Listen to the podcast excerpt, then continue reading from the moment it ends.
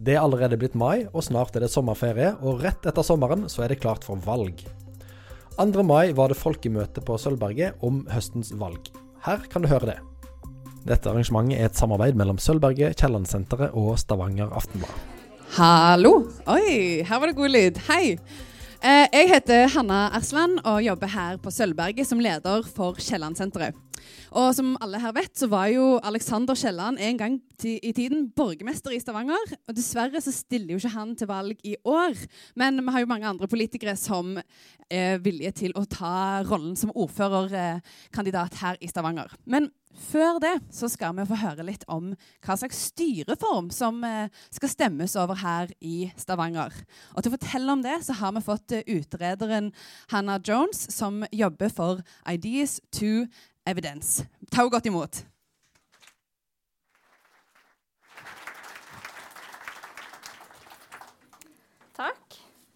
Eh, som sagt, mitt navn er Hanna Jones. Jeg er utdanna statsviter, og i dag så jobber jeg som utreder. Og i fjor så var jeg så heldig å få lov til å være med på et oppdrag der vi utreda politiske styringsformer for eh, Stavanger kommune. Og Bakgrunnen for det oppdraget det var at det er noen av de folkevalgte her i Stavanger som ønsker å skifte styringsform fra formannskapsmodellen som Stavanger har i dag, til parlamentarisme. Og Da trengte kommunestyret et kunnskapsgrunnlag for å kunne stemme over det forslaget, og det var det vi da utarbeida. Så i dag skal jeg fortelle dere litt om eh, de viktigste forskjellene på formannskapsmodellen og parlamentarisme.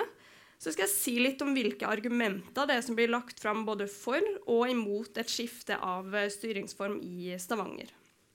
For eh, Formannskapsmodellen er jo den modellen både Stavanger, men også de aller fleste andre norske kommuner har uh, i dag. Og Modellen bygger på en idé om samarbeid på tvers av alle politiske partier, og at man skal finne fram til løsninger som alle partier kan si seg enig i. Og Formannskapet i Stavanger det er leda av ordfører Kari Nessa Nordtun. Og I en formannskapskommune så er det formannskapet som er det nest øverste organet i kommunen, rett under kommunestyret. Og De har ansvar for å forberede saker til kommunestyret, og de kan også fatte sine egne vedtak i enkelte typer av uh, saker. Og fordi formannskapsmodellen bygger på denne ideen om bredt samarbeid eh, mellom alle partier, så er også som regel så godt som alle partiene som er valgt inn i kommunestyret, de er representert i formannskapet. Og den representasjonen er proporsjonal, som vil si at har du 20% av setene i kommunestyret, så har du også 20% av setene i formannskapet, som er et litt mindre organ med færre plasser. Og så er det de samme personene, altså de som sitter i formannskapet, de sitter også i kommunestyret. F.eks. si dem inni den firkanten her vil sitte eh, begge steder. Um, et annet veldig viktig trekk ved formannskapsmodellen det er knytta til forholdet mellom de folkevalgte på den ene sida og den kommunale administrasjonen på den andre sida. Um, for det er et ganske tett, nei, unnskyld, ganske tydelig skille mellom dem to. For den kommunale administrasjonen den er leda av en ansatt kommunedirektør og ikke en valgt politiker. I dag er det som jeg var innledningsvis inne på, eh, ganske få kommuner som har en parlamentarisk styringsform. Det er faktisk kun Oslo og Bergen. Og så har Tromsø hatt det en kort periode for en del eh, år siden. Og den styringsformen den har mange fellestrekk med den parlamentarismen vi kjenner fra det nasjonale nivået. Og det er altså særlig forholdet mellom Stortinget på den ene sida eh, og regjeringa på den andre sida. Og parlamentarismen den bygger på sin side på en idé om konkurranse mellom de politiske partiene og konkurranse mellom ulike politiske interesser. Du har et tydelig flertall av partiene som sitter i posisjon, og mindretallet av partiene de er i opposisjon. Og i en parlamentarisk eh, kommune så er det byrådet Eh, som er det nest øverste organet under kommunestyret. Som også noen gang blir kalt en byregjering, for det minner på sett og vis egentlig ganske mye på regjeringa på nasjonalt nivå. Um, Um, og i det byrådet så sitter de partiene som klarer å danne et styringsdyktig flertall i bystyret. Eh, enten alene eller ved hjelp av støttepartier hvis man er i mindretall. På samme måte som en mindretallsregjering må ha støttepartier i eh, Stortinget. Og de som sitter som byråder, da, de folkene her, de sitter ikke i kommunestyret, og de trenger heller ikke å være valgte kommunestyrerepresentanter når de trer inn i byrådet, på samme måte som regjeringsmedlemmene ikke sitter på Stortinget. Og I den parlamentariske modellen så er administrasjonen og de folkevalgte mye tettere knytta sammen. Fordi administrasjonen den blir leda av byrådet, ikke en ansatt kommunedirektør, som i formannskapsmodellen. Og byrådene de leder hver sin del av administrasjonen. Egentlig på samme måte som eh, ministrene i en regjering leder hvert sitt eh, departement. Så det er kanskje noen av dere som husker denne saken her. Jeg husker den i hvert fall eh, veldig godt, for det er fra forrige kommunevalg, da Arbeiderpartiet, SV, Senterpartiet, FNB, MDG og Rødt gikk sammen om en felles politisk plattform som de ville styre Stavanger etter. Så, og Det innebærer jo at selv om Stavanger er en formannskapskommune, så er politikken i praksis på mange måter delt inn i en ganske tydelig posisjon og en opposisjon. Eh, og det her er det flere som mener er et argument for å innføre parlamentarisme. At når formannskapsmodellen fungerer litt sånn etter parlamentariske prinsipp, så er det bedre å faktisk ha parlamentarisme. For i en parlamentarisk styringsform så kan byrådet bli stilt til ansvar gjennom mistillitsforslag, og de blir tvunget til å gå av hvis de får flertallet i kommunestyret imot seg. Her representert ved Bybanen i Bergen, som jo har vært opphav til mange mistillitsforslag, og inntil flere avgåtte byråd opp igjennom. Så er det sånn at um, i en formannskapskommune når det fungerer litt etter parlamentariske prinsipp, så blir mindretallet fort litt satt på sidelinja fordi man ikke har de her felles prosessene der man søker samarbeid og konsensus. Men så har de heller ikke mulighet til å stille mistillitsforslag, som man jo har i en parlamentarisk kommune. Og da kan mindretallet fort føle seg ganske sånn satt på sidelinja. Og noen bruker det som et argument for å skifte styringsform. Men så er det på den andre sida flere som har hevda at parlamentarisme det er best egna i store kommuner. Og som dere jo ser her, Stavanger i grønt, så er det jo liksom ikke til å legge skjul på at ja, Stavanger ble en del større med kommunesammenslåingene, men det er fortsatt et stykke igjen før Stavanger er på størrelse med de parlamentariske kommunene i dag, altså Oslo og Bergen. Og Det er særlig to argumenter knytta til styringsform og størrelse som blir trukket fram. For det første så dreier det seg om kostnader. Fordi I en parlamentarisk kommune så har man flere heltidspolitikere. Og det gir økte kostnader til politisk eh, styring.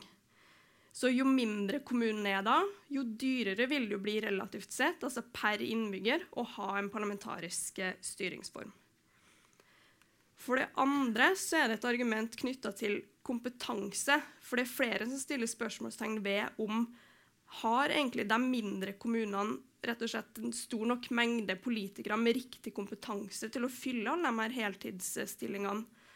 For dem som er byråder, de blir som sagt ledere for store administrative tjenesteområder. Og det krever kanskje litt annen kompetanse, litt andre ferdigheter, enn når du er politiker i en formannskapsmodell. Men så tenker jeg også da, litt sånn til syvende og sist at valg av styringsform i en kommune det er i hvert fall i noen grad litt et verdispørsmål. For målet for den kommunale politikken det er å skape en kommune som er god å bo i for alle innbyggerne. Det tror jeg vel de aller, aller fleste kan si seg enig i. Men så er det litt ulike syn på hva som er riktig styringsform for å nå eh, det målet. For det er noen som mener at det er et demokratisk gode å ha flere heltidspolitikere som jobber på fulltid til det beste for innbyggerne i kommunen, og at det er en god ting at det er de her valgte politikerne som leder den kommunale administrasjonen. Mens andre mener at det er uheldig å bruke mer penger på politisk styring, og at det å ha en ansatt kommunedirektør det sikrer langsiktig og helhetlig styring over tid. Så er det noen som mener at samarbeid og konsensus det er den beste måten å styre en norsk kommune og oppnå gode resultater for innbyggerne. Mens andre tenker at det å samle makt hos en styrende posisjon, og at du har en opposisjon som har i oppgave å kontrollere og holde dem ansvarlig, at det er det som vil gi de beste resultatene. Så det er et veldig spennende kommunevalg dere står eh, framfor. Og jeg ønsker dere lykke til og godt valg.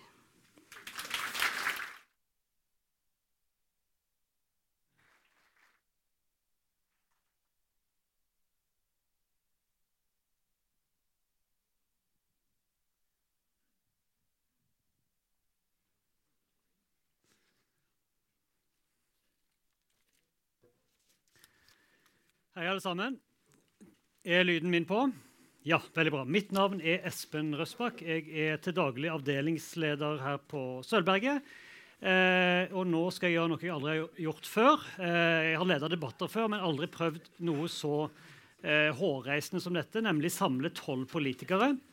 Eh, og få spørsmål fra, og, og, stille de spørsmål og forhåpentligvis få svar eh, på bare en time. Eh, det er utfordringen, eh, og dermed trenger vi eh, noen få regler. Vi prøver òg å være effektive. og En grunn til det er at disse politikerne som jobber for vårt felles beste i byen vår Stavanger, og det skal de ha stor takk for. de har fulle kalendere. Vi prøver å være effektive her fra scenen, sånn at de kan ha tid til å bli sittende litt og stille og svare på deres spørsmål etterpå. etter arrangementet er ferdig. Det håper jeg i hvert fall de har mulighet til, de fleste av de. Derfor så ble det ingen spørsmål direkte fra salen, men vi har eh, gått ut og bedt om spørsmål på forhånd og fått inn rundt 40-50 spørsmål fra publikum. Eh, de har vi slått sammen til rundt 18 spørsmål. Eh, og så skal jeg forklare en liten sånn finurlighet her, for politikere liker å få ordet. Og de liker å snakke, og jeg vet av eh, den lille praten jeg hadde med dem på forhånd, at de helst vil svare på alle spørsmålene. Alle vil svare på alle, men det sier seg sjøl at da hadde vi brukt eh, ja, det er 120 minutter bare på å gi dem 10 minutter taletid hver, sant? så det går ikke når vi har dette formatet. Eh, for at de skal ha en viss påvirkning på det som de får lov til å snakke om, så har de fått en oppvaskhanske hver. Den kan de kaste én gang. De kan kaste hansken. Da får de taletid på det spørsmålet jeg holder på med akkurat da. Og så kan de komme opp her. Eh, det kan de kun gjøre én gang, så da, må de tenke seg grundig om. Um, yes, Da tror jeg vi bare begynner. Det første vi skal gjøre, det er at vi selvfølgelig må snakke om uh, uh, formannskapsmodell og parlamentarisme og hva vi skal ha her i Stavanger. Uh, det er det spørsmålet vi har valgt som arrangører å stille politikerne. og det er et viktig spørsmål. Det er viktig fordi det det handler om hvordan vi i det hele tatt skal styre eh, byen vår politisk. Hva påvirkning, eh, Hvordan vi som eh, velgere har mulighet til å påvirke eh, det som skjer, og hvordan politikerne har styringsevne og mulighet. Eh, og det er også viktig at det blir gjennomført en prøveavstemning på dette spørsmålet i høst i Stavanger kommunestyre. Det ble, var nesten delt på midten, men der var det 34 for å innføre parlamentarisme og 33 for å Eh, beholde formannskapsmodellen som i dag. Og Grunnen til at den prøveavstemningen fant sted, var sånn at dere skulle ha mulighet til å gjøre dere opp en mening og stemme på de partiene som ville ha den styringsformen dere ønsker. Derfor er det viktig å debattere det. Eh, og Til å begynne denne debatten så, eh, ja, jeg må, jeg må, selvfølgelig først nevne hvem vi har med oss. ikke sant? Eh, det er tolv politikere. Eh, nå skal jeg bare ta fram lista så jeg blir helt sikker. Fra Arbeiderpartiet så har vi med oss uh, Kari Nessa Nordtun, som òg er ordfører. Velkommen til deg, Kari. Fra Høyre har vi Sissel Knutsen Hegdal, uh, som har lyst til å bli ordfører. Fra Rødt har vi Sara Nustad Mauland. Uh, velkommen til deg. Fra Venstre har vi Mette Vabø. Fra Sosialistisk Venstreparti Eirik Faret Sakariassen. Fra Fremskrittspartiet Leif Arne Moy Nilsen. Fra Kristelig Folkeparti Henrik Halleland. Fra Senterpartiet Bjarne Kvassheim fra Folkets parti, eh, Stian Kjensvold. Fra det relativt uh, nye bekjentskapet, i hvert fall for meg, Industri- og Næringspartiet, Jan Inge Selvik. Uh, og så har vi ikke Daria, men vi har Rune Askeland fra MDG. Velkommen. Og vi har fra Pensjonistpartiet Carl V. Sandvik. Disse er med fordi de enten sitter i kommunestyret i dag eller hadde over ett prosentpoeng på målingen til Aftenbladet i mars. Bare så det er sagt, det er 30 partier som stiller til valg. 30 lister. Vi kunne ikke ha alle. Men vi satte denne begrensningen. Det første spørsmålet handler om, um, om uh, parlamentarisme eller formannskapsmodellen. Leif Arne Moe Nilsen fra Frp og Bjarne Kvassheim fra Senterpartiet. Kan dere komme opp til meg?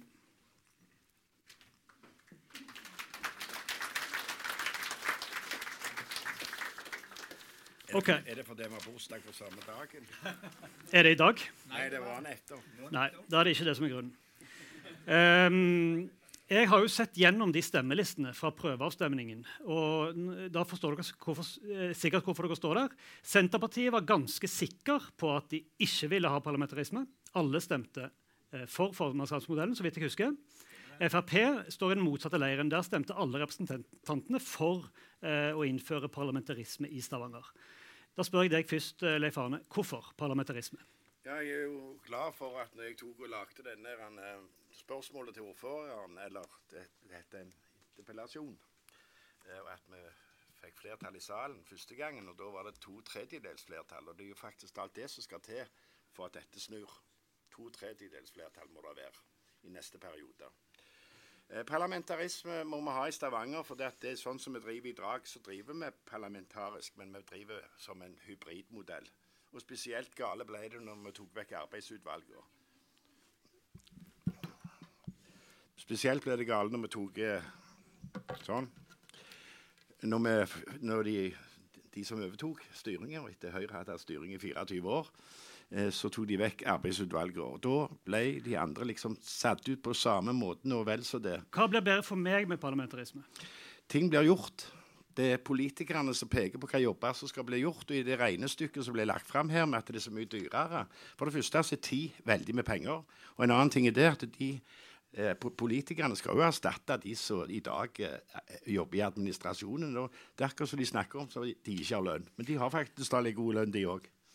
Har vi flinke nok politikere til at de skal drive store administrative avdelinger på den måten? Ja, jeg har stor respekt for alle politikerne jeg sitter sammen med i forskjellige utvalg. Så det har vi. Og så må vi huske på én ting. Det er fagfolka som skal utrede sakene. Det er ikke oss politikere. Men det er oss politikere som skal peke på hvilke saker vi skal ha framover, og hva, hvordan det skal prioriteres. Jeg har ett eksempel. Ut forbi her eh, så har du Anagon.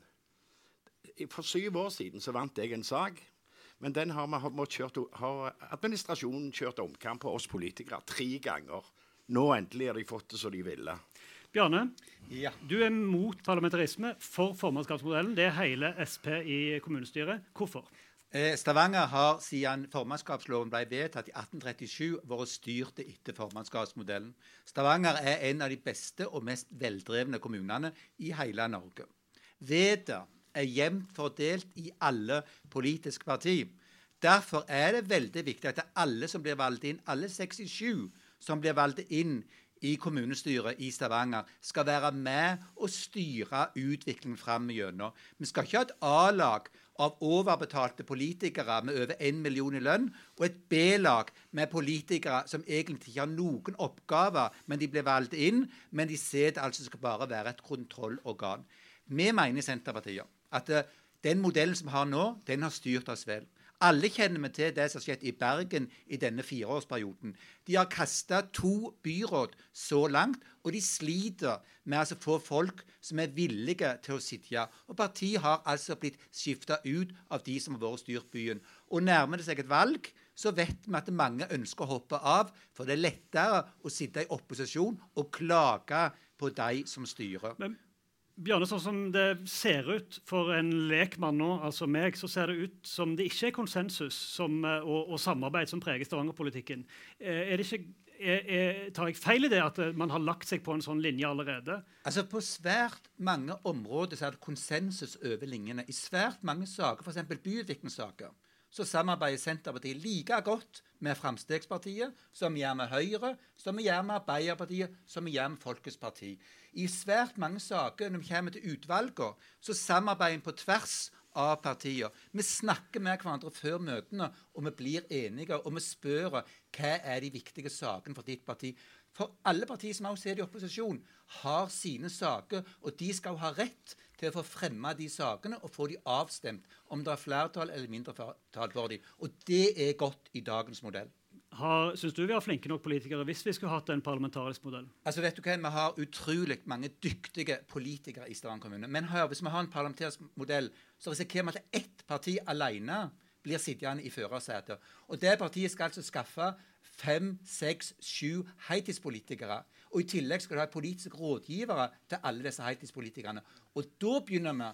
Også denne modellen som du så, kanskje vi er en for liten by for å skaffe så mange. Når hvert parti skal ha seks-sju eh, byråder. Veldig kort replikk. Ja, jeg tenker at Vi må ikke sammenligne oss med Bergen. og I tillegg så er det altså tre fylkeskommuner som driver parlamentarisk. Stortinget driver parlamentarisk, Oslo gjør det. Bergenserne, når har de vært enige med seg sjøl noen gang? Siste ord til Bjørne. Det kan du vel si, men jeg tenker på en måte at eh, vi ser at det, det å bare sitte i opposisjon i Bergen og i Oslo. Det blir veldig kjedelig på sikt. Du får politikere som mister motivasjonen, og det er ikke det vi skal ha.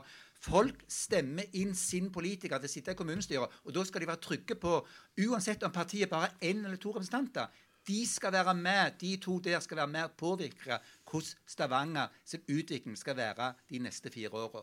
Det blir det ikke hvis jeg sitter i opposisjon i en parlamentarisk modell. Da må jeg takke, takke dere to for nå. Dere kommer opp igjen, men eh, du kan gi dem en applaus på vei ned. Og så vil jeg gjerne ha opp eh, Kari Nessa Nordtun og Sissel Knutsen Hegdal. Eh, for det er jo en uh, sannhet at uh, hva Frp, hva Senterpartiet mener, hva mange av de andre mener, har lite å si hvis ikke disse to partiene klarer å bestemme seg. Og jeg har jo lest denne protokollen som sagt, fra kommunestyret. Eh, deres partigrupper klarte ikke å bestemme seg. Eh, dere stemte litt sånn, Jeg husker ikke helt hvordan vekta var, men det var litt sånn eh, for og mot både i Ap og Høyre. Eh, Kari, eh, kan jeg spørre deg først? Eh, du stemte for formannskapsmodellen i prøveavstemningen. Har du ombestemt deg? Nei. Nei. Hvorfor vil du beholde formannskapsmodellen? Jeg har gått mange runder med meg selv i mange år etter så jeg har vært det både i opposisjon og i posisjon i Stavanger kommune. Og jeg har veldig god forståelse for det argumentet om at uh, mange folk tror jo vi styres av en parlamentarisk styringsmodell i dag. Uh, og det med å plassere ansvar og uh, å være tydelige på det er noe som er ganske forlokkende synes jeg, med den parlamentariske styringsmodellen. Men så tenker jeg sånn Jeg opplever at vi har en veldig god formannskapsmodell i Stavanger i dag. Og jeg opplever at, eh, og jeg håper at jeg har rett eh, med at innbyggere som sitter i denne salen, annet, at når de tar kontakt, så, så, blir, så blir, de tatt på alvor. De blir respektert, de blir lytta til. Ikke alle som får, får gjennom det de vil. Men at det der er kort vei mellom innbyggere og politikere. Eh, og det syns jeg er en kjempestyrke. Og når vi vet hvor mye det krever å endre styringsmodell, og hvor mye det, det, kommer til å koste mer. Eh, og så har vi alt det andre vi har lyst til å gjøre. Så tenker jeg at det, det er kanskje ikke riktig å bruke tida på det akkurat nå. Kommer du da til å instruere resten av gruppa di til å stemme for formannskapsmodellen? Vi har jo en... Eh, sånn at vi vet hva Ap kommer til å stemme i kommunestyret? Eh, ja, eh, det, det, kan jeg ikke forskuttere. Men jeg kan love deg at vi kommer til å ha en stor og grundig diskusjon på det i vår gruppe. Og... Um, det, og jeg vet at jeg har grupper med meg når jeg sier at det er mange andre oppgaver innenfor eldreomsorgen, innenfor barn og unge sine oppvekstvilkår, mm. som vi heller har lyst til å bruke tid og penger på framover. Den er grei, men jeg bare tenker, jeg spør fordi det er komplisert matematikk for oss. Hvis mm. ikke vi vet hva partiene mener. Mm. Hvis vi må tenke på hver enkelt uh, og se på disse stemmelistene. Uh, så uh, får vi vite det før valget om Ap går på en felles sak i, denne, i dette spørsmålet? Det kan hende, at det vil jeg ikke forskuttere. Okay. Sissel, du stemte for parlamentarisme. Eh, det gjorde ikke hele gruppa til Høyre, men det gjorde du. Hvorfor vil du innføre parlamentarisme i Stavanger? Jeg tror eh, det, det, som var avgjørende for meg i den voteringa der, det er at jeg ser at veldig ofte så tar ting veldig lang tid. Um, så jeg tenker at i en parlamentarisk modell så har du på en måte et helt annen mulighet for å få gjennomført vedtakene og fulgt det opp i det daglige. Uh, og ikke sånn som det er i en formannskapsmodell, at hvis det er ting uh, Du fatter et vedtak, du ønsker ting gjort, og så går tida, det går igjen et nytt møte, og det skjer ingenting, og så må du måtte løfte det i et møte, du fatter et vedtak. du blir veldig sånn handlingsfattig i forhold til det, også på gjennomføringsstadiet. Um, så, så, jeg tror ikke at det er noe sånn svart-hvitt. At den ene modellen er veldig veldig bra, den andre veldig dårlig. Uh, og, og, gruppa vår er som du sa delt, og nå har vi også veldig mange nye kandidater som ikke er med i inneværende periode, som kommer til å utgjøre kommunestyregruppa i, i neste, neste, periode. Sånn at uh, det blir veldig veldig spennende å se hva, som, hva vi lander på. Uh, jeg er ganske sikker på at gruppa kommer også til å bli delt i neste periode. Men det er noe med det vi klarer ikke å leve ut formannskapsmodellen med den konsensusmodellen og det samarbeidet. og, sånt. Vi klarer det i noen utvalg, og så klarer vi overhodet ikke i andre utvalg. Så det er veldig personavhengig, også avhengig av lederen eh, for det enkelte utvalget, om i hvor stor grad man prøver å ta initiativ til å finne løsninger på tvers. Og det er riktig som Bjarne sa her, at, at i noen utvalg så gjør man det, og i andre utvalg gjør man det ikke. Eh, så, så, det var på en måte avgjørende for meg. At, at jeg ønsker, vi, vi, trenger å få ting til å skje. Vi trenger at vi, de løsningene eh, og de vedtakene vi fatter, at det gjennomføres raskt. Og her er en tro på at hvis du da som politiker, som uansett har ansvaret, eh, også den som holder i prosessen, så tenker jeg at det er spennende å prøve ut. Men jeg har også tro på at en formannskapsmodell kommer til å fungere fint. Eh, det har, som jeg sier, måten du leder på, måten du legger det opp, eh, og inviterer samtlige partier til å være med og finne gode løsninger. Takk skal dere ha, begge to. Da vet vi litt. Eh, bare vent litt, eh, Kari og, uh, og Sissel. Eh, jeg tenkte, dette her er litt spontant, men når jeg først har dere her, og det er første gang jeg ser dere sammen på en scene i denne valgkampen, eh, så må jeg spørre eh, Kari, hvorfor har du lyst til å bli ordfører i Stavanger en gang til? Fordi jeg syns Stavanger er en fantastisk by, og jeg føler vi har fått til utrolig mye de årene vi har styrt. Eh, innenfor eldreomsorg, innenfor psykisk helse, innenfor barn og unge. Eh, og innenfor næringslivet. Eh, energihovedstaden. bare for å nevne noe. Og jeg har mye mer jeg har lyst til å gjøre. Så derfor trenger vi fire nye år. Sissel, hva er din motivasjon for å ta over ikke tronen, men i hvert fall sjefsstolen og bli ordfører i Stavanger? Nå har jeg vært eh, folkevalgt og politiker i Stavanger kommune i 20 år. Det har vært en fantastisk reise. Jeg har lært veldig veldig mye. Eh, jeg har fått lov å representere kommunen i ulike utvalg, i ulike styrer. Jeg føler jeg har med meg en veldig god eh, bakgrunn og erfarings, eh, eh, mengde med erfaring som jeg har lyst til å bruke, og jobbe på lag med innbyggerne. Jobbe med kultur, med idrett, med næringslivet, med skolene, barnehage. Og virkelig klare å ta tak i de gode ideene og sørge for at ting skjer. Men jeg bare spør, eh, Dere nevner masse politiske saker, men har, har, du, har, dere noe inni dere som er en sånn motivasjon for at dere har lyst til å bli ordfører i Norges fjerde største by? Ja, altså, vil, Masse energi. Ja, energi? det er viktig. Ja. Men, men jeg, si, hvis, jeg, kan jo av og til ha litt sånn mørke dager. altså der, der du blir sånn, Hva er meningen med livet, og hva er det jeg holder på med? ikke sant? Ja, den tar vi en annen debatt om. Ja, men, men, så begynner jeg å tenke ok, hva har vi har gjort for noe? Nei, Vi har fått flere kollegaer til sykepleierne våre på sykehjemmene. 76 nye stillinger. Og når vi har det var egentlig ikke, det var ikke skrytetid, egentlig. Ja, okay, ja, når jeg okay. snakker med de, og de sier hvor utrolig bra det er for de, og deres arbeidshverdag, og de som er ansatte der, og pårørende der, så, da må du òg få et sluttpoeng, eh, ja. Ja. Ja. Nei, det, det, gir meg enormt mye energi når jeg går i byen, er ute på møter, besøker eh, virksomhetene. Eh, og de tilbakemeldingene vi får, og ikke minst det vi har vist til i de 24 årene som Høyre hadde ordfører, og måten vi da eh, samarbeider med, med, de ulike aktørene. Jeg får masse energi. Det er utrolig meningsfullt. Jeg er veldig ydmyk for den tilliten som velgerne gir oss. Eh, og jeg er veldig klar til å jobbe hardt for at vi skal løse de utfordringene vi står i. En av dere blir med høy sannsynlighet ordfører etter valget. Eh, takk til dere to. Da går vi videre.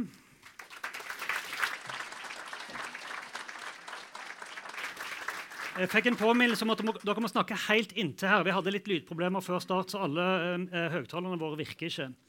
Eh, eh, nå skal vi gjennom ti temaer.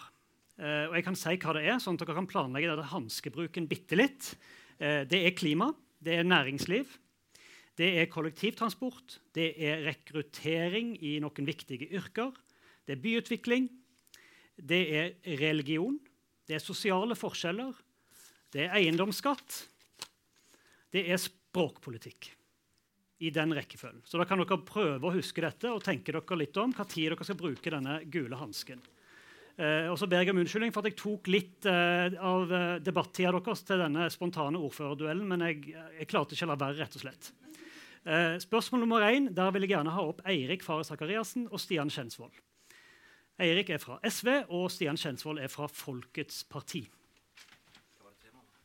Temaet denne gangen er klima, og spørsmålet fra Benjamin, fra Hanna, fra Olav og fra Bjarte, mange var opptatt av dette, eh, formulerer jeg på denne måten. Hva er viktigste, de viktigste grepene eh, som dere har lyst til å ta i den neste perioden for at Stavanger skal nå sine veldig, veldig ambisiøse klimamål? Eh, noen av de mest ambisiøse klimamålene i, eh, i, norsk politikk, i hvert fall. Eirik? Det vi kan gjøre flere grep, men eh, det som er kanskje det viktigste og mest effektfulle vi kan bidra med, det er å sørge for en massiv utbygging av solceller. Både på kommunale bygg, men òg på eh, private boliger. I dag er det sånn at man kan få god støtte f.eks. til eh, eneboliger, men det er dårlige støtteordninger for eh, borettslag og sameier. Og Der er det allikevel mye rom for å, utbygge solceller. Så det er en viktig sak. Og så er det viktig at vi klarer å realisere det som har vært et mål for dette flertallet, nemlig å sørge for at vi får redusert antallet cruiseskip som uh, kommer til Stavanger. Uh, og Der uh, har det vært en stor kamp som fortsetter, og som handler om hvordan vi har innrettet oss med havneselskap. Mm. Så Det er et arbeid som vi har starta på, men som vi må bruke mer tid på. Men litt færre cruiseskip og et, noen solcellepaneler, det monner liksom ikke helt? Nei, nei skal, skal, jeg ta hele lista, så kan vi ta nei. Jeg kan bruke mer tid hvis du ønsker det, enn eh, bare de to tingene.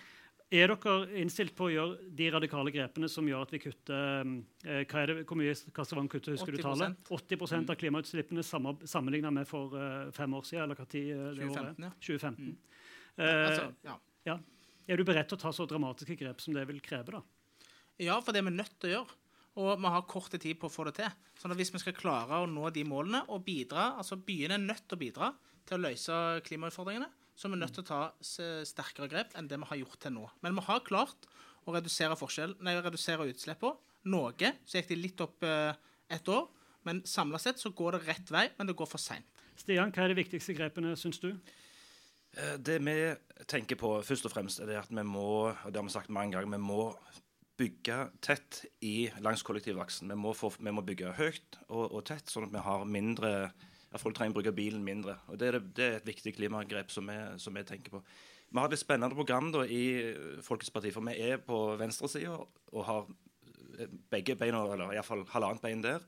Og så har vi mye god blå politikk òg, bl.a. å gjerne bygge litt ekstra der vi, der vi kan. Spesielt i disse, i disse langs kollektivaksen. Og eh, ja, så, så, det er det første grepet vi Og så, så har vi òg tanker om å ikke se på Stavanger separat. Vi brenner jo eh, bosset vårt i Sandnes, og vi flyr fra, fra Sola kommune. Så vi, vi har òg eh, lyst til å se på dette mer overordna som, som, en region, istedenfor å kun tenke Stavanger. Mm. Er klimaspørsmålet et viktig spørsmål for partiet ditt, for Folk, Folkets parti? I aller, aller høyeste grad mm. eh, så er det det. Eh, men så er vi òg pragmatiske og tenker at eh, vi skal ikke på død og liv eh, komme i mål med, med, med hva skal jeg si, med, med målene våre for, for enhver pris.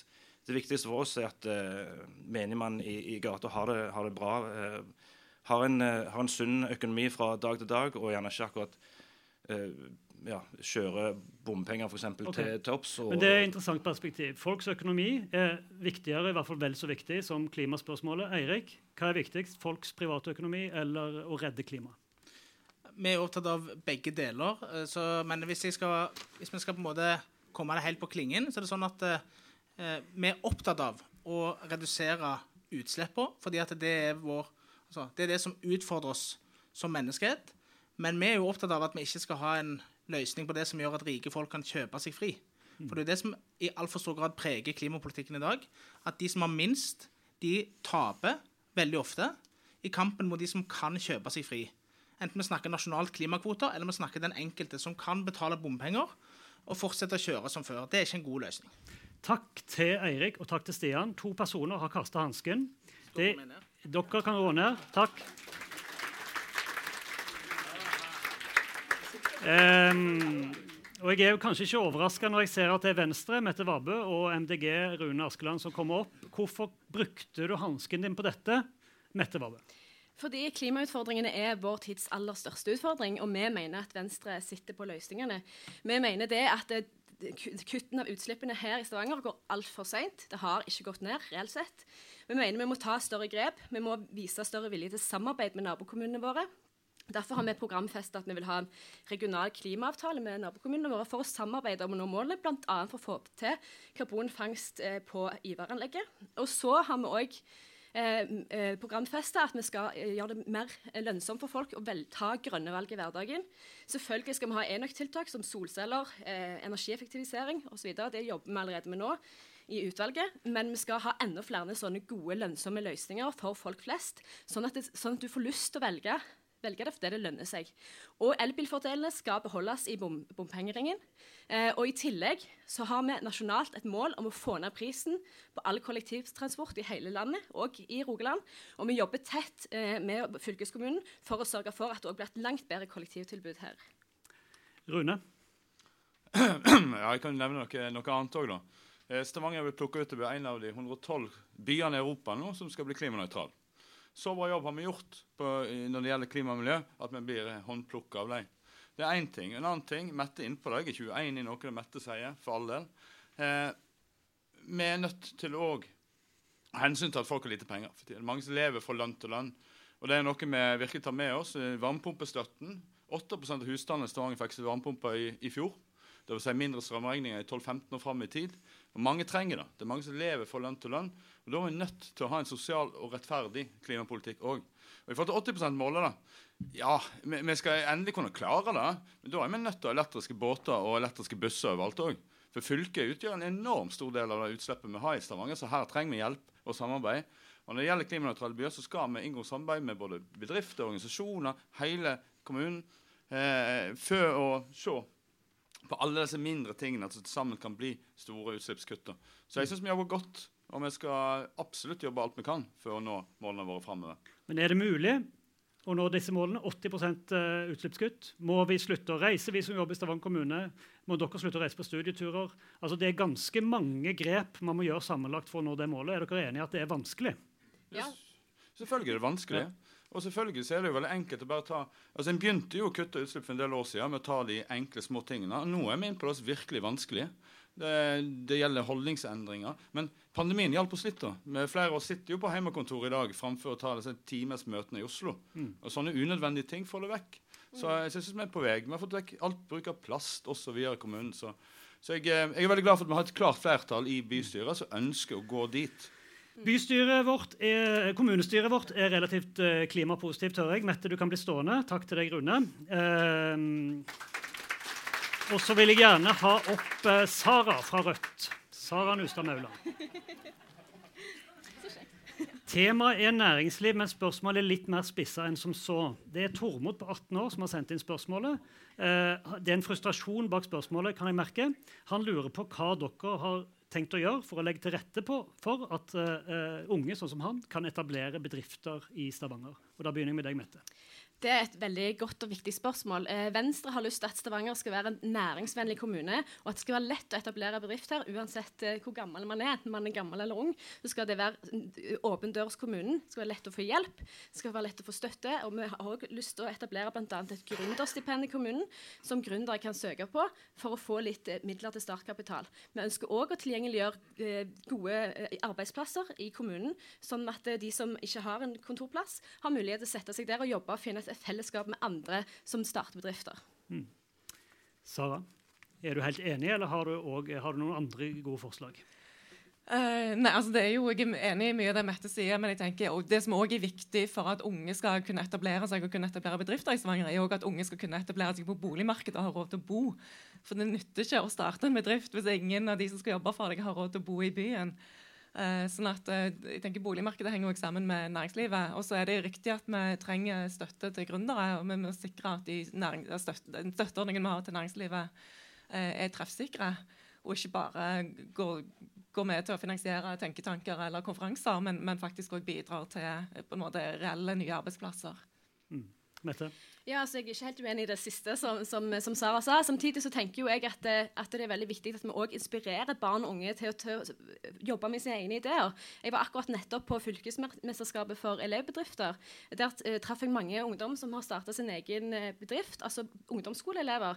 Det syns jeg vi skal ha mye mer av i Stavanger. Det viser seg at det er veldig få skoler i Stavanger som faktisk er med på dette, mens alle skolene i Sandnes er med på det. Er Rødt for eller mot uh, gründere i næringslivet? Sara?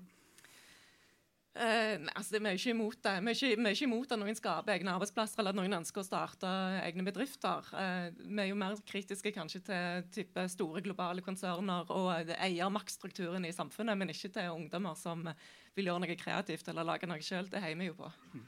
Begge er for. Uh, begge er positive til Tormod sine planer da, om å etablere en egen bedrift. Tusen takk til dere. Oi, uh, unnskyld, Sara, du kan bli stående. Du skal få et spørsmål til her. Og Da vil jeg faktisk ha opp uh, Kari Nessa Nordtun igjen. Uh, dette handler om kollektivtransport. Og dette spørsmålet kommer fra Toralf på åtte år, som er en gutt jeg kjenner godt. Uh, vi var i Bergen i helga, uh, jeg og Toralf. og Han gikk rundt og reflekterte, og han har et politisk spørsmål som er viktig for han, og det er trafikk. Han syns det er fascinerende med ting som går på skinner etc. Eh, og han lurte på eh, Han spurte meg ut om eh, kollektivtransporten i de, i, i de fire største byene i Norge. Og så eh, var spørsmålet hans hvorfor ikke Norges fjerde største by får lov å ha en bybane. Kari, hvorfor får ikke vi lov til å ha en bybane i Stavanger? Ja, det, det er en beslutning som ble tatt eh, for mange år siden. Eh, hvor en valgte da det kommunestyret den gang å gå for, eh, gå for eh, bussvei som konseptvalg for det nye infrastruktursystemet som vi bygger i, på Nord-Jæren. Og den tok også gruelig lang tid å få på plass. Ja. Vi har kanskje det minst effektive kollektivtransportsystemet eh, blant de store byene i Norge. Hvorfor har vi det? Ja, jeg er helt enig i at vi har det minst effektive. og jeg tror det er derfor vi, akkurat, eh, derfor vi har byvekstavtalen, som gjør at, eh, gjør at vi faktisk får eh, eh, flere milliarder fra staten for å kunne bygge nytt infrastruktursystem. Eh, fordi det trenger vi. Eh, så ser vi at det skjer en del nå eh, mellom Hillevåg og, og, og Hinna. Og det skjer veldig mye på Hinna nå. De skal jo få et ny eh, bussfelt fra, fra Hinna til nye sykehuset. Eh, det jobbes òg med korridor 2 eh, fra Stavanger sentrum til, til Kvernevik osv. Der trengs det virkelig en oppgradering. Så det, det er å gi eh, Vi har dårlig tid, og det haster med å få dette på plass. Sara, er du enig i disse perspektivene, eller vil det gå enda fortere fram? Og hvorfor kan ikke en bybane eh, kjøre fram og tilbake i Stavanger? Uh, nei, Vi òg lurer på hvorfor, uh, hvorfor vi ikke fikk en bybane. Jeg synes Det er veldig bittert at Stavanger og Bergen begynte å utrede bybane samtidig. og Bergen fikk det til, og Stavanger fikk det ikke.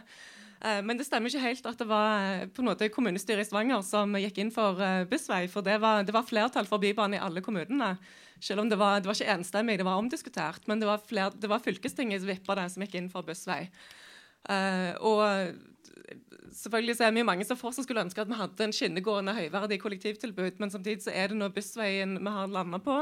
Det er det vi har fått støtte til gjennom Bymiljøpakken, og, og for oss er det viktig at vi får til et eh, godt og eh, moderne og høyverdig kollektivtilbud med hurtige avganger.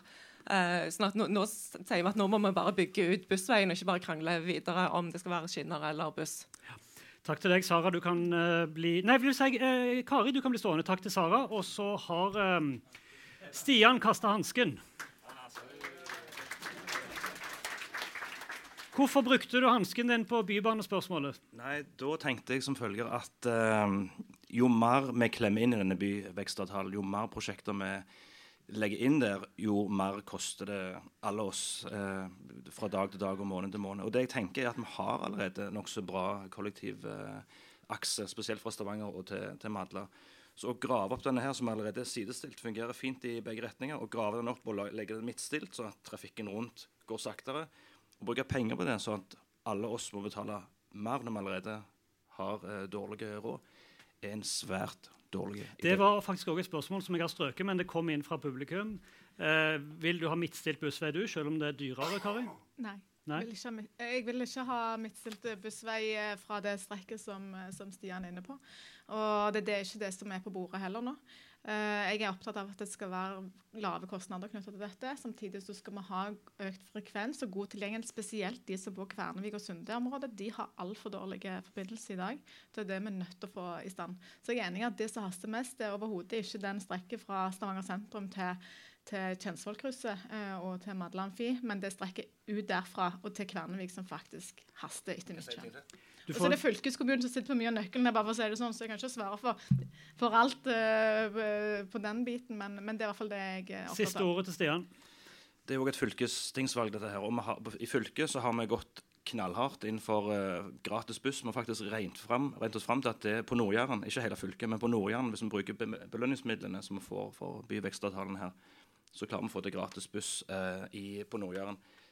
Da tror jeg vi får opp uh, eh, bruker, eh, at brukerne begynner å få opp øynene for det. Da tar vi en håndsopprekning. Eh, hvem jobber for gratis buss eh, blant politikerne som sitter her neste periode? Ja, det er ikke verst i det hele tatt. Kari, du kan bli stående. Ja. Ehm, for på min plan så har vi nå kommet til rekruttering i noen viktige yrker. og Da hadde jeg lyst til å ha deg med, Kari, og så har jeg lyst til å ha med Sissel igjen. Jeg beklager at det blir dere to hele tida, men dere er de to største partiene. Eh, det er naturlig å høre eh, hva som er forskjellen mellom dere. Eh, spørsmålet er viktig, og det kommer fra Astma, og det kommer fra Aud i Sykepleierforbundet.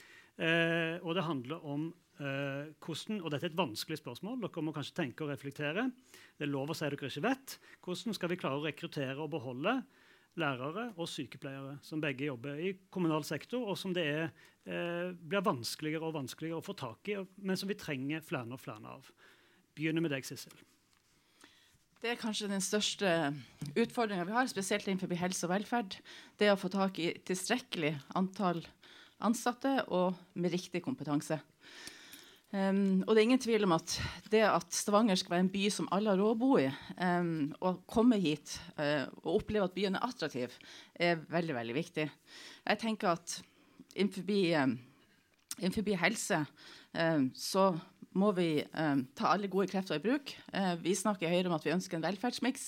Eh, vi ønsker velkommen til at kommunen er en bærebjelke i det offentlige velferdssystemet. Men vi vil også eh, søke løsninger innenfor ideelle aktører og innenfor private aktører. Det offentlige skal være ramma, det det som skal være det som holder det. Eh, men eh, hvis vi ser på en måte hvordan det norske velferdssystemet har vært bygd opp gjennom mange tiår, så er det nettopp den velferdsmiksen som har gjort at vi raskt klarer å finne løsninger. Vi gjorde det i pandemien. Vi har gjort det nå når vi fikk flyktninger fra Ukraina. Ja. Så ser vi at vi klarer å Så det er på en måte det å ta alle gode krefter i bruk er på en måte det korte svaret. Alle gode krefter i bruk er det korte svaret. Litt uh, private aktører inn. Hva med deg, Kari? Tar du utfordringen å heve lønna til disse folka, eller? Jeg tror lønn er jo viktig for folk. Uh, så det, ja, det det er helt klart. Og så er det viktig at uh, de har tid på jobben. Uh, rett og slett til å være medmennesker god, for å gi god omsorg. Uh, og jeg mener jo den Helsepersonellkommisjonen var ganske tydelige på at vi må belages på at det blir ikke enklere framover med å få inn nok folk som, som vi trenger til den sektoren. Og Derfor tror jeg også at det som vi har gjort i Stavanger kommune, når vi har ansatt 76 nye husassistenter, det er ikke svaret på dette, men det kan forhåpentligvis være med å bidra. Når eh, vi hører at sykepleierne blir veldig veldig glad for å få nye kolleger som kan hjelpe de med sånne type omsorgsoppgaver som ikke de er kan, som ikke de trenger å bruke sin kompetanse på. Som f.eks. følge pasienter til tannlegen eller være med dem på måltidssituasjoner og lignende. Det er kjempeviktig. og Jeg, tror, jeg er veldig stolt over det vi har gjort der. Bevilge massive midler nå til disse 76 nye stillingene på sykehjemmene i Stavanger. Og Du skal instruere kommunedirektøren til å gi de høyere lønn i lønnsoppgjøret òg? Ja, det har vært viktig for oss. Vi har vært opptatt av at her må kommunesektoren løftes. Mm. Der må vi helt ærlige og tydelige på. Så må jeg også si at det handler òg om heltid og deltid. Være attraktiv arbeidstaker for de unge som kommer inn på arbeidsmarkedet. Da nytter det ikke å gi dem en 13% stilling her og en 14% stilling der. Vi må faktisk gi dem hele, faste stillinger, sånn at de faktisk har råd til å kjøpe seg en bolig i banken og kan planlegge fritida si. Kort replikk, Sissel. Nei, jeg, jeg, tror alle politiske partier eller jeg vet, alle politiske partier er for heltidsstillinger. Så, så det, er ikke, det, er ikke, noe som skiller politikken. Eh, det som er Forskjellen mellom de som er flertallspartiene nå, og, og vi i mindretallet, er at vi har styrka budsjettet til skole, til barnehage, til sykehjemmene. Men vi har gjort det sånn at det er opp til virksomhetsleder og til eh, virksomheten sjøl i å se eh, f.eks. skolene. Trenger vi en miljøterapeut? Trenger vi en lærer? Trenger vi en helsesykepleier? Mm. Kanskje vi trenger en barnevernspedagog? Jeg tenker Det å gi tillit til virksomhetene, sånn at de faktisk rekrutterer det de har behov for. Og Skolene er forskjellige, barnehagene er forskjellige. sånn at Vi har ikke sagt at alle skal ha en husassistent på sykehjemmene. Vi har sagt at vi øker ramma, og så kan den som virks virksomhetsleder faktisk se behovet. Nå tenker jeg, nå kommer det sånn fram og tilbake, så blir dette en lang debatt. og vi og dette og vi, Men du har Jeg må si to ting. på Er det tillit å effektivisere helsesektoren vår og privatisere den som Er skal føre til innsparinger med 100 millioner kroner i denne perioden? Er det å gi sykehjemmene våre tillit? Det her er Arbeiderparti-retorikk. Hadde vi ønska å privatisere, så har vi lagt fram forslag om det. Du fikk ikke det eneste forslag Jo, jeg har budsjettet deres. Nei. Det står det sort Det vi har sagt, er at jeg, le- jeg har det med meg i veska til neste gang, så jeg kan lese det fint. Det som, det som mindretallspartiene har sagt, det er at om to år så det, er, det er ganske interessant, for det her dukker opp i, i flere debatter. Det vi har sagt er Om to år så tenker vi at det er et mulig potensial å spare inn 100 millioner. Hvis vi ser hva, hva Arbeiderpartiet har gjort, så sier de at de skal ta tilbake tjenester i kommunal regi. Bare i Bergen så har de brukt 700 millioner på å kjøpe pra, private barnehager. Da forstår vi at det fremdeles er forskjell på Høyre og Arbeiderpartiet i norsk politikk. Og så er takker vi til dere. Ja. Eh, Eirik Faret Sakariassen, du har kasta hansken. Du kan kaste hansken, Bjørne. Hvordan skal du få til dette, da, Eirik? Flere sykepleiere. Jeg ble så provosert at jeg måtte rett og slett eh, hive hansken på dette. Fordi at når man tror at svaret på de utfordringene vi står foran, er det man kaller en velferdsmiks, eller miksmaks, som vi også kan kalle det. Privatisering er det det er. Hvis folk skal eh, se forbi retorikken, hvis eh, Høyres ordfører var opptatt av retorikk, så det å kalle noe velferdsmiks eller ta i bruk alle gode krefter, det er bare retorikk. For det som ligger bak, det er at man ønsker å privatisere. Man ønsker at en del av de som da jobber i eldreomsorgen i dag, eller på sykehjem eller annet, de skal privatiseres. Og det er vi har utallige eksempler på at det betyr dårligere lønn og dårligere pensjon. Og det er det ingen som lar seg rekruttere til. Alternativet til å ikke ha masse skattekutt for de med størst boliger, det er at vi faktisk har midler til å satse på ansatte. Bjarne? Ja, vet du hva, jeg har tenkt å snakke om uh jeg har tenkt å snakke om lærerne, for det at jeg er jo utdannet lærer sjøl. Og det er noe som bekymrer meg sterkt, måten som lærerne blir behandla på. Vi har sett at mens andre yrkesgrupper mer og mer får lov til å være hjemme og ha arbeidet sitt hjemme, så har lærerne over noen mange år fått mer og mer Du skal gjøre alt arbeidet ditt på skolen ifra klokka er åtte til klokka er fire. Altså, du får mindre frihet. Samtidig så har lønna til læreren stått på stedet hvil. Vi har et rekrutteringsproblem som er helt enormt. Samtidig som vi ser på en måte at eh, lærerne får arbeidsoppgaver som ikke går ut på å undervise, men en skal hele tida ha et skjemavelde der det gjelder å føre opp hvilke elever som har vært til stede, hvordan du tenker de skal eh, være i framtida. Og en problematiserer, altså Skolen er på en måte bygd for å problematisere de eventuelle rettssakene som du får der framme. Altså friheten til å undervise, til å skape glede hos ungene, den har forsvunnet. Og på toppen av det hele så bygger vi altså noen gigantiske skolebygg. Nå skal vi bygge nye Vaulen skole, som statsforvalteren sier altfor stor. Vi bør bygge to skoler. En er på Mariero, en på Vaulen. Men det er bare Venstre og Senterpartiet som våger å stå opp i bystyret og si nei, vi må ha to Det begynner å bli litt utafor eh, rammen for spørsmålet, men var du uenig i det han sa, eh, Eirik? Jeg, jeg samarbeider jo godt med, samarbeider jo godt med Bjarne, så jeg pleier ikke så uenig til det han sier. Men eh, det med husassistenter det har jo sørga for at sykepleierdekningen på sykehjemmene har gått opp. Fordi at man da får brukt ressursene på en bedre måte. Det er veldig mye hansker nå. Eh, men det er jo det viktigste vi gjør. Og så, så kan man si sånn, man er for tillit. Men Høyre starta altså perioden med å kutte sykehjemmene med 130 millioner kroner. Det var det de starta med. Og jeg forstår at Sissel har kastet hansken, så Ja, du det er skal helt få greit. bite av deg jeg hodet forstår, etterpå. Ja. jeg forstår, og det er veldig fint. Jeg Ja. forstår veldig godt at de ikke har lyst til å snakke om det som står i budsjettene sine. Men det må man altså forholde seg til. Da skal du få svare på det, Sissel. Du har kasta hansken. Jeg må få si noe om sykehjem. For jeg må si Det er litt spesielt at vi bygger så gedigne sykehjem som vi gjør i Stavanger kommune. Altså Lærvik sykehjem, og nå skal vi bygge nytt på Jåttå, som er gedigent. Og det er jo ikke sunt i seg sjøl å ha så store sykehjem. For små sykehjem, for mindre skoler. Sissel, hvorfor reagerte du på den måten at du kasta hansken? Jo, for jeg, eh, fordi at venstresida snakker om velferdsprofitører, vi snakker om velferdsmiks. Og det at det opprører og provoserer eh, Erik Faye Sakariassen, det syns jeg er ganske spesielt. Vi ser det innenfor barnevern, vi ser det innenfor rus og psykiatri, eh, vi ser det innenfor fysioterapi, vi ser det innenfor hjemmehjelp.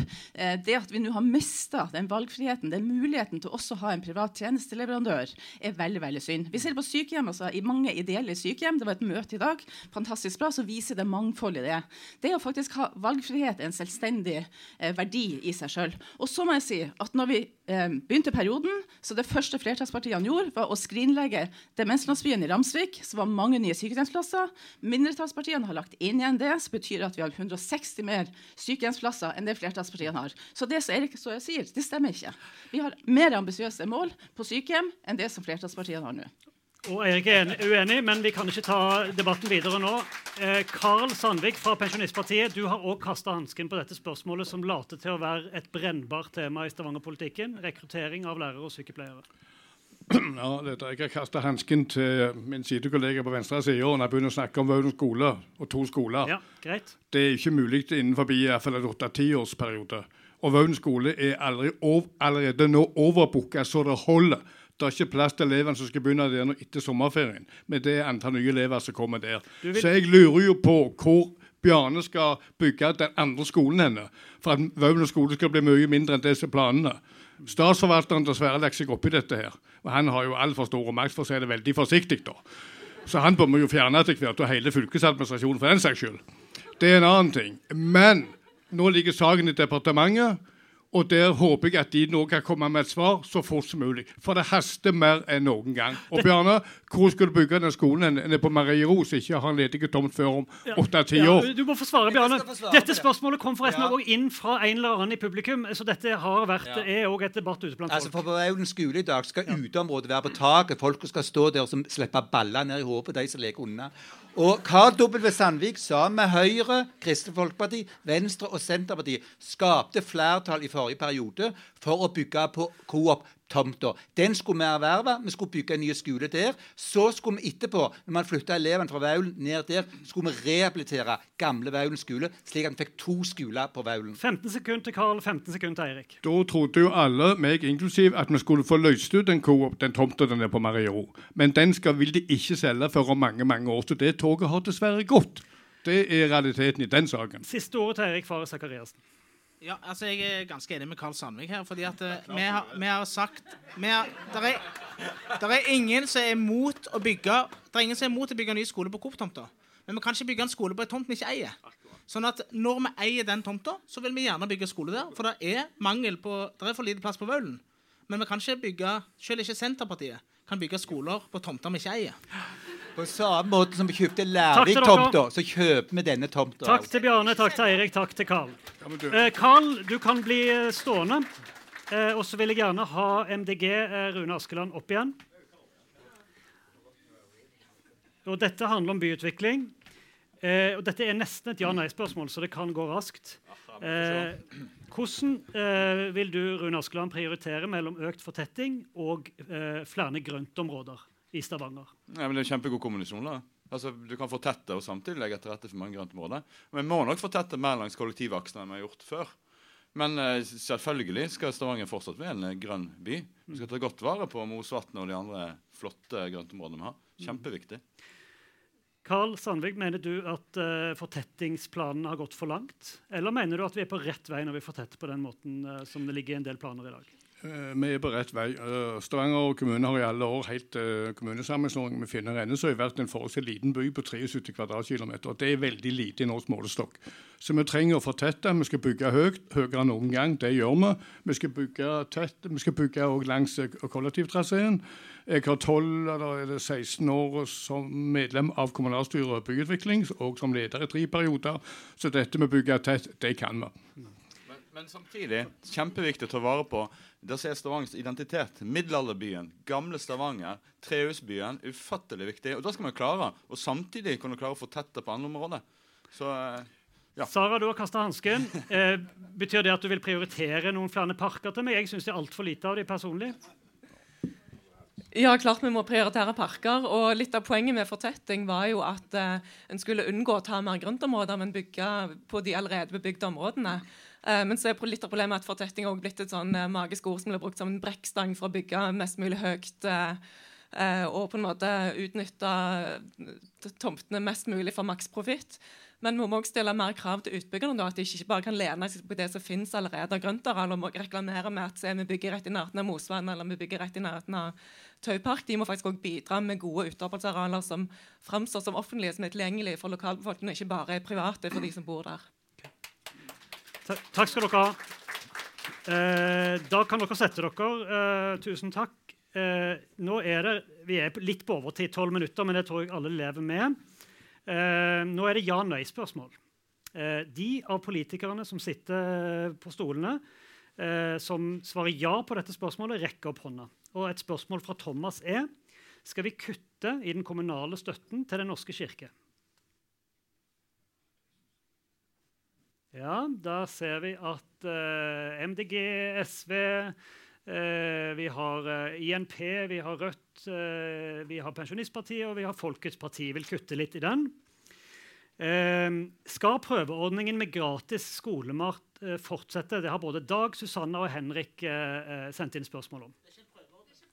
Skal ordningen med gratis skolemat fortsette? Du må svare ja-nei. Det går ikke an å svare nei, sier noen, men sånn er det. Her ser det ut som dagens flertall er i hvert fall ganske enige om at den ordningen skal fortsette. Eh, vil ditt parti stemme for rushtidsavgift i neste periode?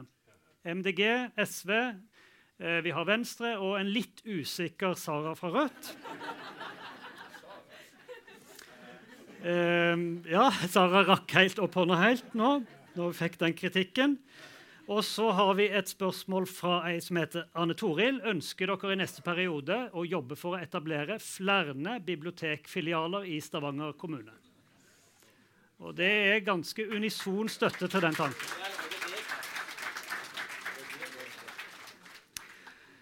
KrF Henrik Halleland og Frp Leif Arne Moy Nilsen, kan dere komme opp til meg? Jeg har fått et spørsmål fra Girish, som har opplevd at det var vanskelig å få rammebetingelser på plass for å utøve religionen sin, som var i dette tilfellet hinduisme. Eh, eh, hvordan skal eh, Stavanger kommune støtte og beskytte at religiøse minoriteter får praktisert religionen sin? Henrik Halle? Ja, Det er veldig viktig. Vi er, vi er nødt for å være et livssynsåpent samfunn. Hvor, for jeg tror dette med, med, religion det er viktig for mennesket, og det må vi få en sjanse til å utøve. Og skal vi være et godt samfunn, så må det være rom for det for alle. Ja, jeg kjenner meg ikke igjen. Jeg syns at vi er veldig flinke på disse områdene. Jeg, så kanskje de har søkt feil plass. Uh, ja, det var kritikk av Sandnes kommune i, uh, implisert i spørsmålet. Ja, ikke dra oss inn i Sandnes, altså. det vil vi ikke.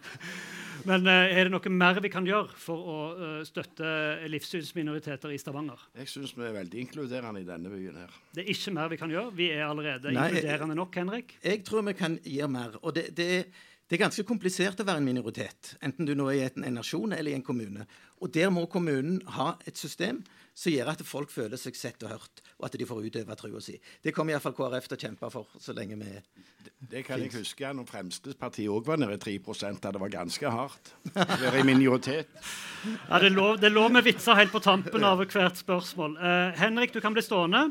Og så bytter vi ut Leif Arne med Jan Inge Selvik fra Industri- og Næringspartiet. Velkommen på scenen, Jan Inge Selvik. Eh, jo, takk for det. Jeg må takk først spørre, Det er et helt nytt parti. Eh, ja, det er ikke herlig med noe nytt. Ja. Trenger vi virkelig et nytt parti som skal slåss for uh, industri og næring? regner med? Ja, vi skal slåss for det. Vi skal slåss for skole, vi skal slåss for uh, eldreomsorg, vi skal slåss for alt mulig med. Det, det som de fleste har. Spørsmålet, Men uh, det er sånn uh, Spørsmålet jeg har, handler ja. om uh, sosiale forskjeller. Eh, som du òg da må jobbe med hvis du blir valgt inn. Eh, hvordan vil dere jobbe for å minke forskjellene mellom fattige og rike? spør jeg som vil være anonym. F.eks. hvorfor eh, kan man ikke behovsprøve støtte til varmepumpe? nevnte denne personen. Og vil dere jobbe for gratis tannpleie?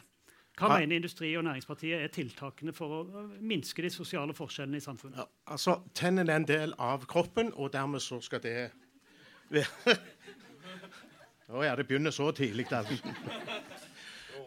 nei, tennene er en del av kroppen, og det skal være gratis. Uh, sosiale forskjeller. Uh, jeg tror at vi må se litt inn på dette med Er det noe vi kan gjøre med Husbankordningen? Er det noe mer vi kan ta ut fra den ordningen der istedenfor å hive folk over på sosialhjelp? Så kanskje det kan være en løsning.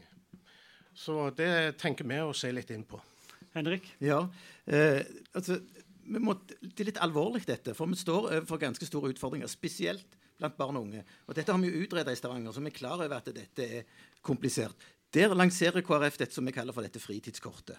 Og det er fordi at eh, da, er mange nå som ikke har råd til å være med på fritidsaktiviteter. Og det er helt reelt. Sant? Som blir holdt utenfor det gode selskapet. Som ikke får Eh, det er jo denne historien med han som kom med tomflasken i idrettslaget sitt og spurte om dette er nok. Og Det er faktisk helt, det er helt ekte historier som, som er nå. og da må, da må, vi gjøre noe. og Da er fritidskort en god løsning, der, der en rett og slett får penger til, til 1000 kroner i måneden fra 6 til 18 år, hvor en kan få være med og utøve idrett. Jeg syns det er forunderlig at det koster mellom 400 og 500 kroner for å gå i en svømmehall.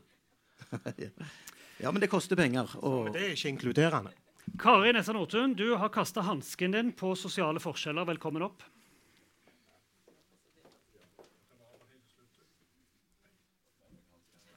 Strategisk å spare så lenge på hansken, ja. Mm. Ja, eh, dette er et tema som jeg er veldig engasjert i personlig. Ja. Eh, så jeg syns det er utrolig viktig, og vi har gjort eh, mye de årene vi har styrt.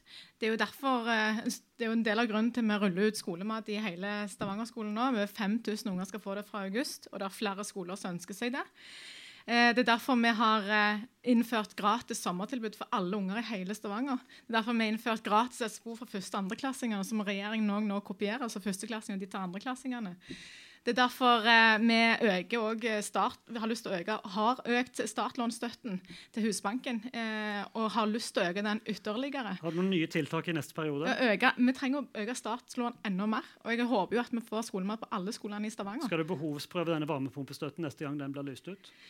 Ja, Det er et eh, godt forslag, men, men det krever mye byråkrati. og Det skal vi være klar over. Eh, men, eh, men, jeg ser ikke vekk ifra at det fort eh, kan bli tilfelle for at vi skal være helt sikre på at de, en skal få det. Men jeg er helst tilhenger av universelle, gode ordninger som treffer alle. Mm. Sånn at ikke de som almisser politikken, eh, som jeg opplever en del av politiske partier har, hvor det, det handler om å være fattig nok, så skal du få.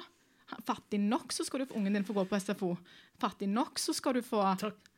gå i ja. barnehage. Ja. Sant? Takk til Kari, og takk til Jan Inge og Henrik. Og tannhelse. Vi har jo innført 25 millioner til tannhelse. eh, da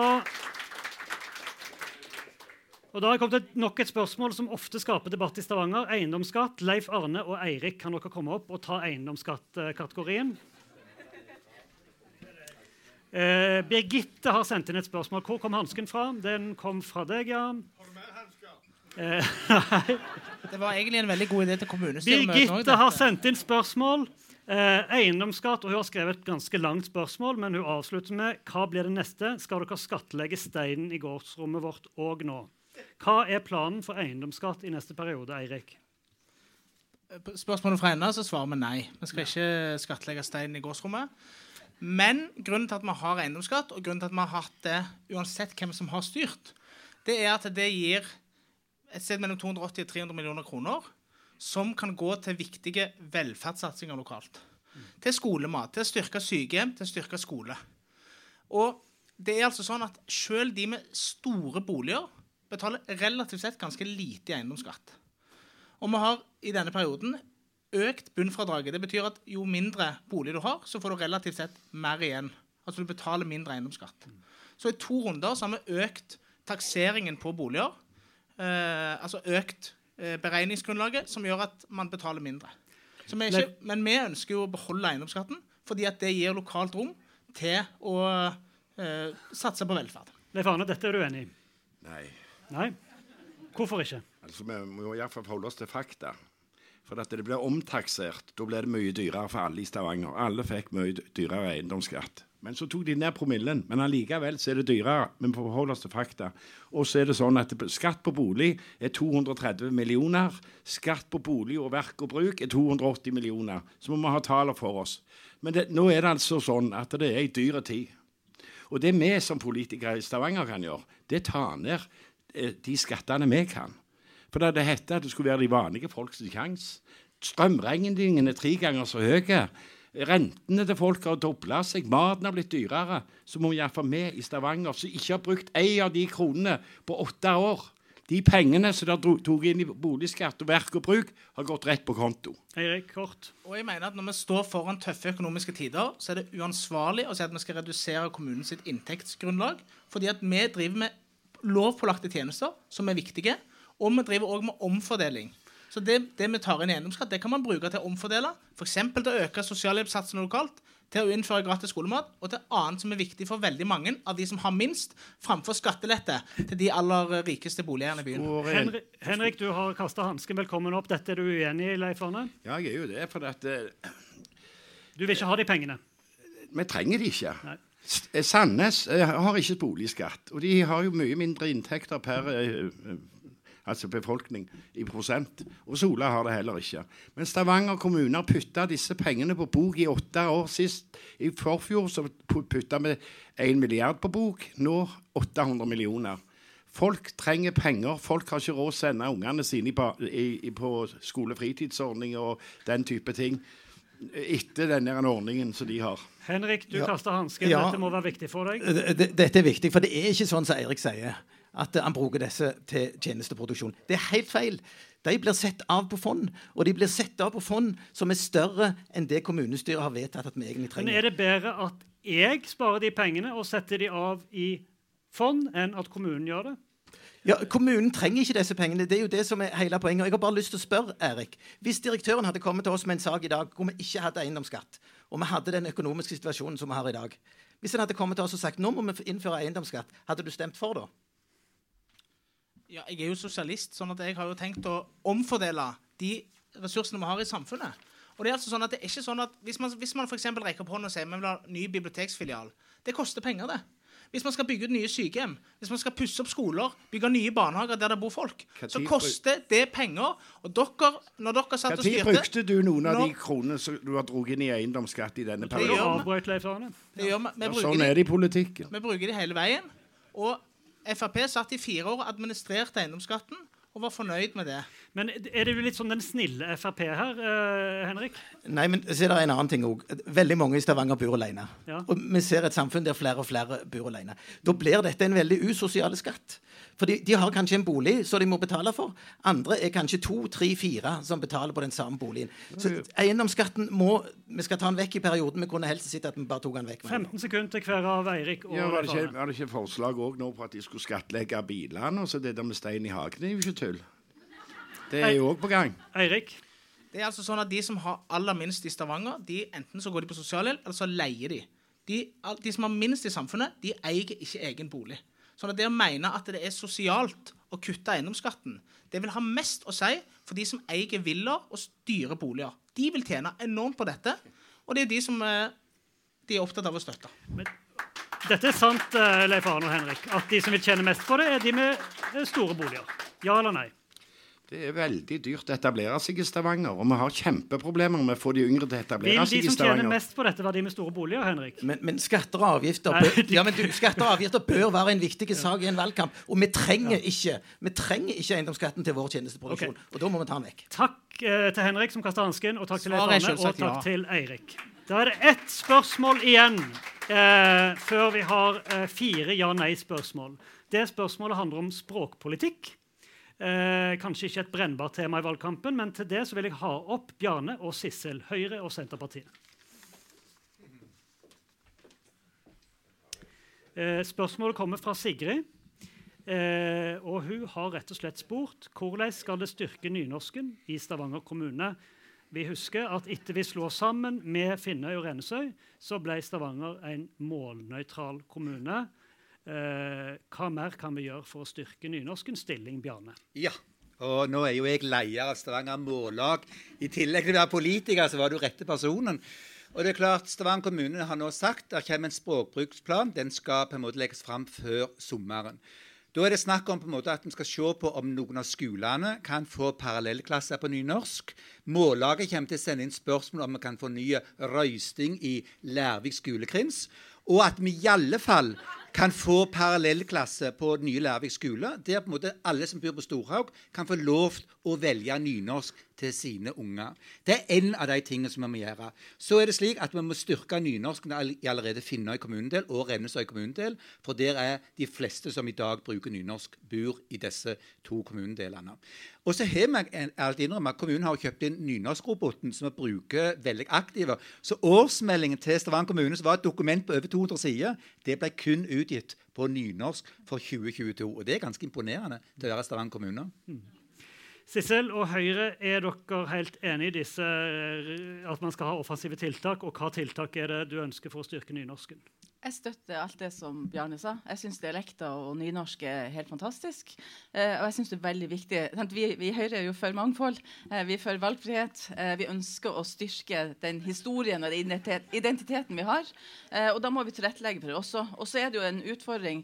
Eh, jeg vet at det er en del skoler som har søkt om å ha egne nynorskklasser og sånn, og det mener jeg at de har hatt. Men så må vi på en måte se hvor mange elever det som har søkt og sånn. Så vet jeg at det har vært eh, henvendelser på det, og det skaper kanskje utfordringer for skolen og for organisering og klasser klasserom og, og, sånt. Men jeg tenker vi må tilrettelegge for valgfrihet. Vi må tilrettelegge for eh, mangfold. Eh, og da syns jeg det å ta vare på nynorsken det skulle bare mangle at vi skal da. Det er en veldig viktig del av historien vår. Her er det stor enighet. Frp, eh, Leif Arne, du kasta hansken.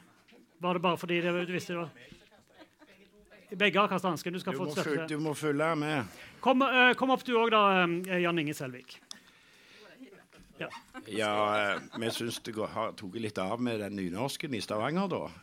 Eh, det er jo sånn at uh, Vi er jo en internasjonal by, og vi har to språk. Og nynorsk er fint, det. Men uh, de må få lov å velge det, de som vil ha det. Når vi begynner å bli praktede på, så er det jo litt spesielt. Men det er jo veldig kostbart òg. Men jeg syns jo heller at vi skulle bruke den energien til å lære andre språk. Vi er jo fem millioner mennesker i dette landet. Vi har jo fire-fem forskjellige språk. For det er jo tre samiske språk òg. Ja, samisk? Du vil prioritere samisk? Opplæring. Nei, jeg, jeg, mener at vi må ha et norsk språk, og vi kunne gjerne tatt og blande det. Ja. For det, det, gjør jeg hele veien. Ja. ja Jan Inge Selvik, eh, du kaster òg hansken på dette. Altså Nå snakker jeg litt for meg sjøl, da, men eh, jeg er jo gift med ei som er utenlandske. Å komme og snakke nynorsk til henne det vil være toppen på frustrasjon i hele troppen. Jeg syns ikke dette er så særlig inkluderende for våre nye landsmenn. De går på skolen, de lærer bokmål. Det er det de lærer der.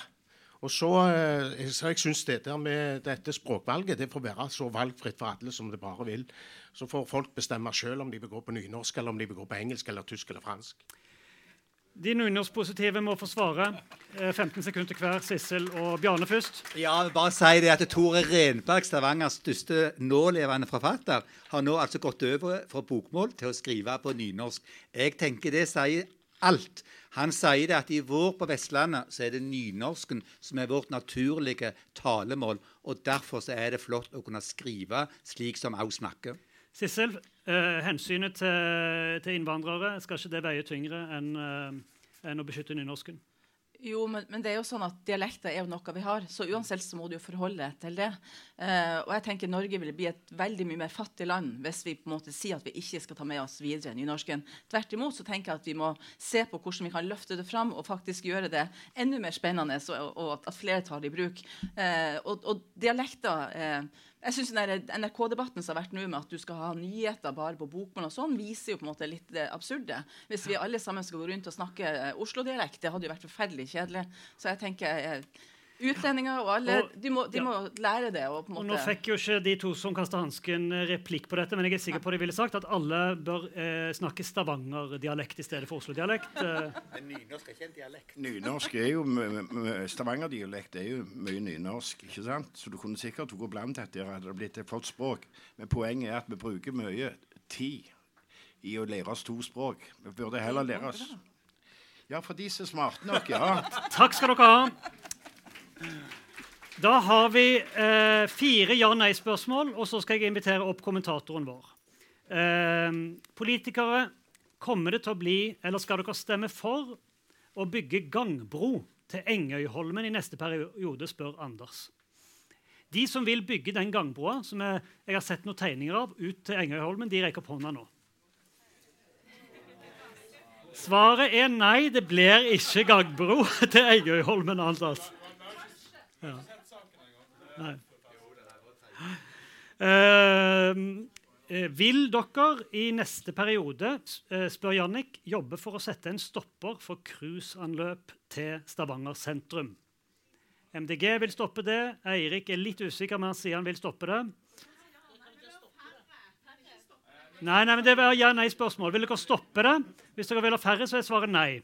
Sara, Eirik og Rune Askeland fra MDG og Mette Vabu har lyst til å stoppe det helt. Ah, ok. Siste spørsmål. aller siste spørsmål. Dette handler om demokratiet vårt. Det var sånn vi starta. Hva styreform skal vi ha?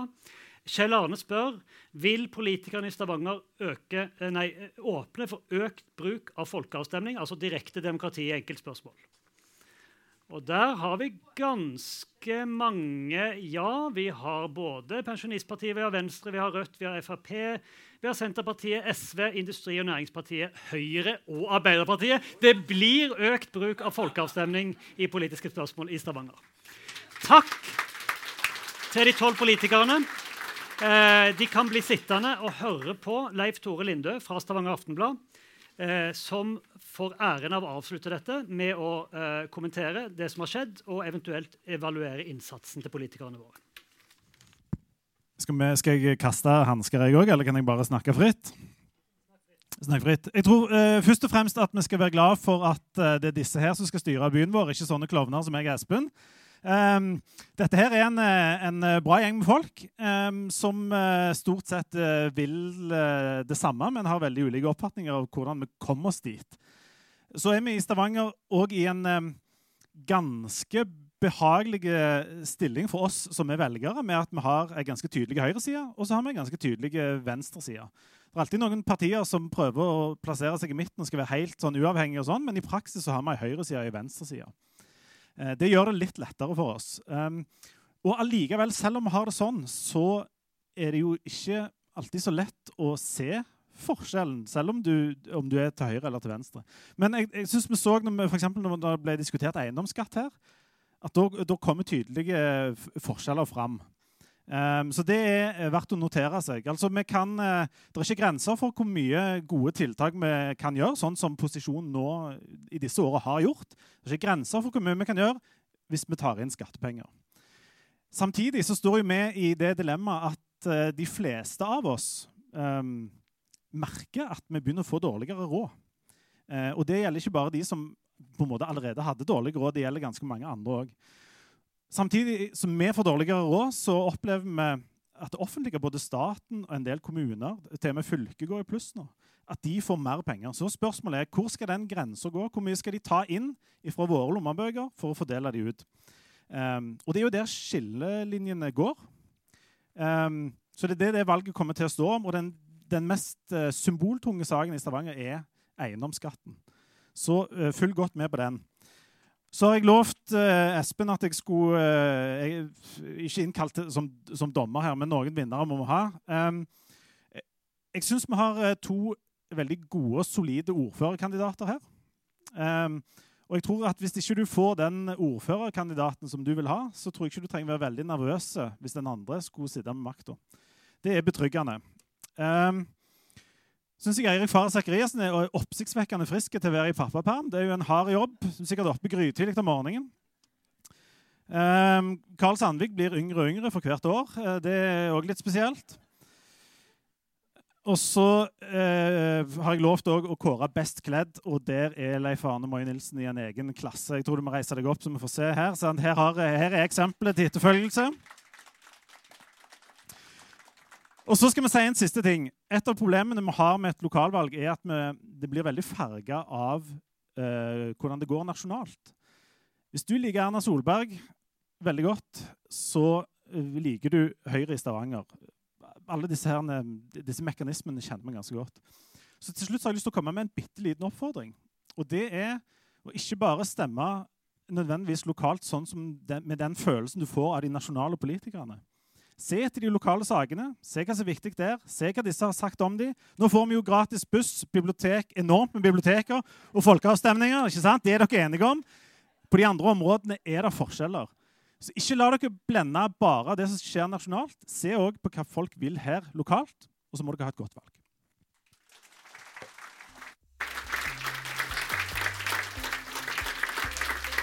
Tusen takk til Leif Tore Lindø, tusen takk til politikerne som stilte opp. Tusen takk for at dere kom, og godt valg fra meg òg.